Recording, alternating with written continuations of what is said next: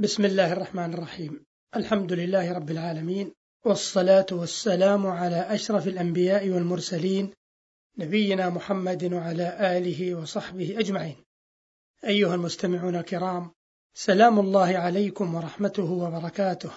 أما بعد فإن الحديث ها هنا سيدور حول قوله تعالى وأعرض عن الجاهلين وما تحمله تلك الآية من لطائف وأسرار فهذه الآية العظيمة تعد بلسما لكثير من الأدواء التي يبتلى بها كثير من العقلاء حيث يبتلون بمن لا خلاق لهم من السفهاء الذين يثيرون حولهم الغبار ويسيئون إليهم بالكلام البذيء المؤذي.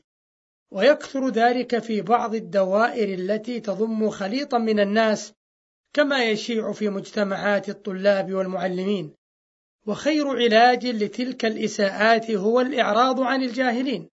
فمن أعرض عنهم حمى عرضه وأراح نفسه وسلم من سماع ما يؤذيه. قال الله عز وجل في سورة الأعراف خذ العفو وأمر بالعرف وأعرض عن الجاهلين. فبالإعراض عن الجاهلين يحفظ الرجل على نفسه عزتها إذ يرفعها عن الطائفة التي تلذ المهاترة والإقذاع.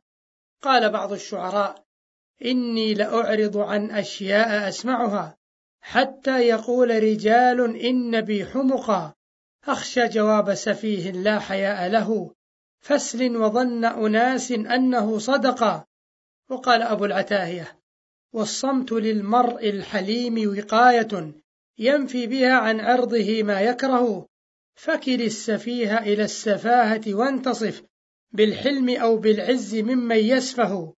والعرب تقول في أمثالها إن من ابتغاء الخير اتقاء الشر. وروي أن رجلا نال من عمر بن عبد العزيز رحمه الله فلم يجبه. فقيل له ما يمنعك منه؟ قال التقي ملجم. هذا وإن من أعظم ما يعين على الإعراض عن الجاهلين زيادة على ما مضى ما يلي.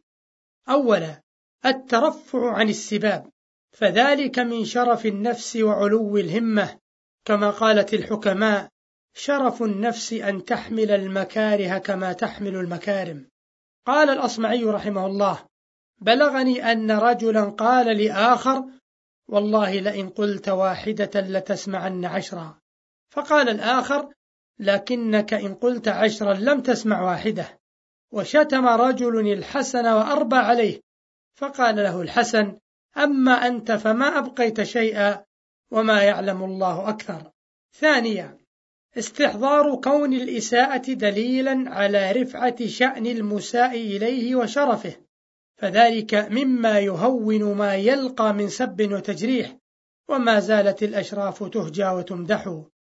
قال الإمام الشافعي رحمه الله إذا سبني نذل تزايدت رفعة وما العيب إلا أن أكون مساببة ولو لم تكن نفسي علي عزيزة لمكنتها من كل نذل تحاربه. ثالثا مما يعين على الإعراض عن الجاهلين الاستهانة بالمسيء فذلك من ضروب العزة والأنفة ومن مستحسن الكبر والإعجاب ومن ذلك قول بعض الزعماء في شعره أو كلما طن الذباب طردته إن الذباب إذا علي كريم. وأكثر رجل من سب الأحنف وهو لا يجيبه. فقال الساب والله ما منع الأحنف من جوابي إلا هواني عليه. وفي مثله يقول الشاعر فكن كيف شئت وقل ما تشاء وأبرق يمينا وأرعد شمالا. نجا بك لؤمك منجى الذباب حمته مقاذيره أن ينالا. وشتم رجل الأحنف وجعل يتبعه حتى بلغ حيه.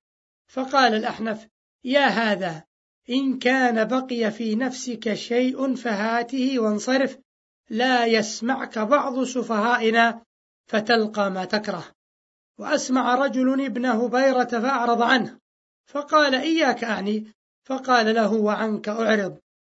رابعا مما يعين على الإعراض عن الجاهلين أن يستحضر الإنسان أن مجاراة السفهاء شر وبلاء فهناك من إذا ابتلي بسفيه ساقط لا خلاق له ولا مروءة فيه أخذ يجاريه في سفهه وقيله وقاله مما يجعله عرضة لسماع ما لا يرضيه من ساقط القول ومرذوله فيصبح بذلك مساويا للسفيه إذ نزل إليه وانحط إلى رتبته. إذا جاريت في خلق دنيئا فأنت ومن تجاريه سواء. قال الأحنف بن قيس رحمه الله من لم يصبر على كلمة سمع كلمات ورب غيظ تجرعته مخافة ما هو أشد منه. خامسا أن يستحضر الإنسان أنه بالإعراض عن الجاهلين يكرم نفسه بذلك ويكرم قرابة السفيه الأبرياء الأعزاء لأنهم لا ذنب لهم. ولهذا تقول العامة في أمثالها لأجل عين تكرم ألف عين. سادسا النظر في العواقب واستحضار الأجر المترتب على الإعراض عن الجاهلين لأن الإعراض عنهم استجابة لأمر الله عز وجل بقوله خذ العفو وأمر بالعرف وأعرض عن الجاهلين يا من تضايقه الفعال من الذي ومن التي ادفع فديتك بالتي حتى ترى فإذا الذي. وقد يظن ظان أن الإعراض عن الجاهل والإغضاء عن إساءته مع القدرة عليه موجب للذلة والمهانة وأنه قد يجر إلى تطاول السفهاء. وهذا خطأ. ذلكم أن العفو والحلم لا يشتبه أي منهما بالذلة بحال. فإن الذلة احتمال الأذى على وجه يذهب الكرامة. أما الحلم فهو إغضاء الرجل عن المكروه حيث يزيده الإغضاء في أعين الناس رفعة ومكانة. سياسة الحلم لا بطش يكدرها فهو المهيب ولا تخشى بوادره. فالعفو إسقاط حقك جودا وكرما وإحسانا مع قدرتك على الانتقام فتؤثر الترك رغبة في الإحسان ومكارم الأخلاق بخلاف الذل فإن صاحبه يترك الانتقام عجزا وخوفا ومهانة نفس فهذا غير محمود.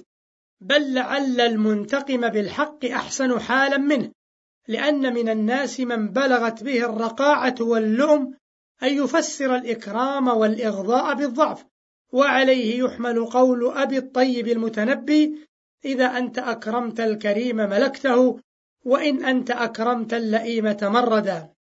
وقول الشريف الرضي في الناس إن فتشتهم من لا يعزك أو تذله فاترك مجاملة اللئيم فإن فيها العجز كله ومعنى قوله أو تذله إلا أن تذله.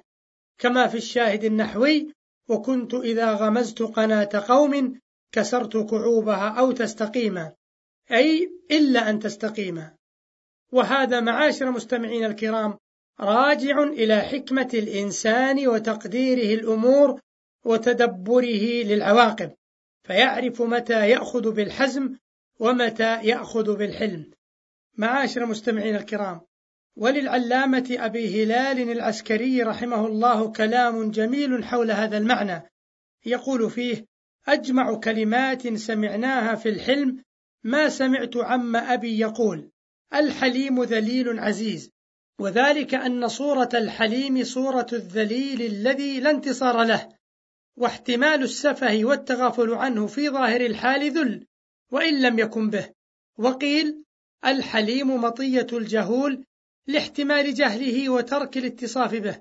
وقال الأول وليس يتم الحلم للمرء راضيا إذا كان عند السخط لا يتحلم كما لا يتم الجود للمرء موسرا إذا كان عند العسر لا يتكرم.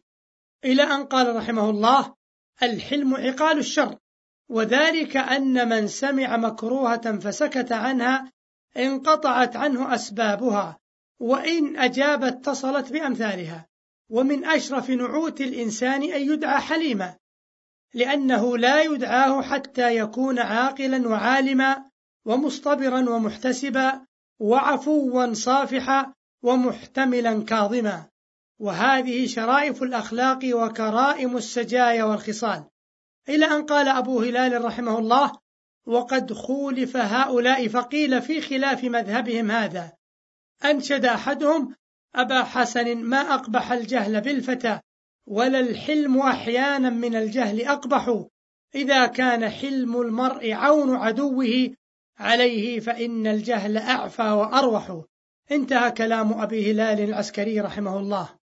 وإلى هنا معاشر مستمعين الكرام تنتهي هذه الوقفة التي دارت حول قوله تعالى وأعرض عن الجاهلين وصلى الله وسلم على نبينا محمد والسلام عليكم ورحمة الله وبركاته.